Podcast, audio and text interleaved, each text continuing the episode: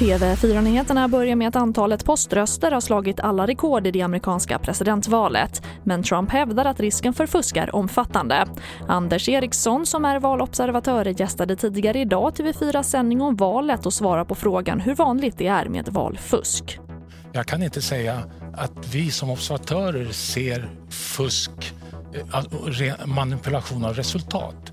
Eh, manipulationen eller förändringar i eh, utgången sker före valdagen mm. genom att man begränsar rösträtten för vissa grupper.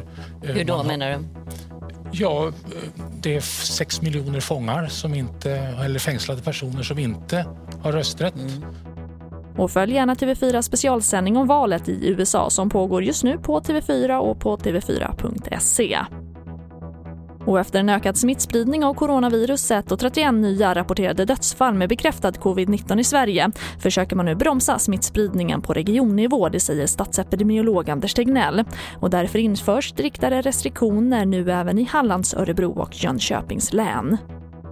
Och vi avslutar med att berätta att de skolor som vill ska kunna ge sina elever betyg från och med årskurs 4. Det är ett förslag som regeringen nu lämnat till lagrådet. Enligt förslaget så är det upp till rektorn på varje skola att efter att ha lyssnat på sina lärare fatta beslut om tidigare betyg. TV4-nyheterna, jag heter Charlotte Hemgren.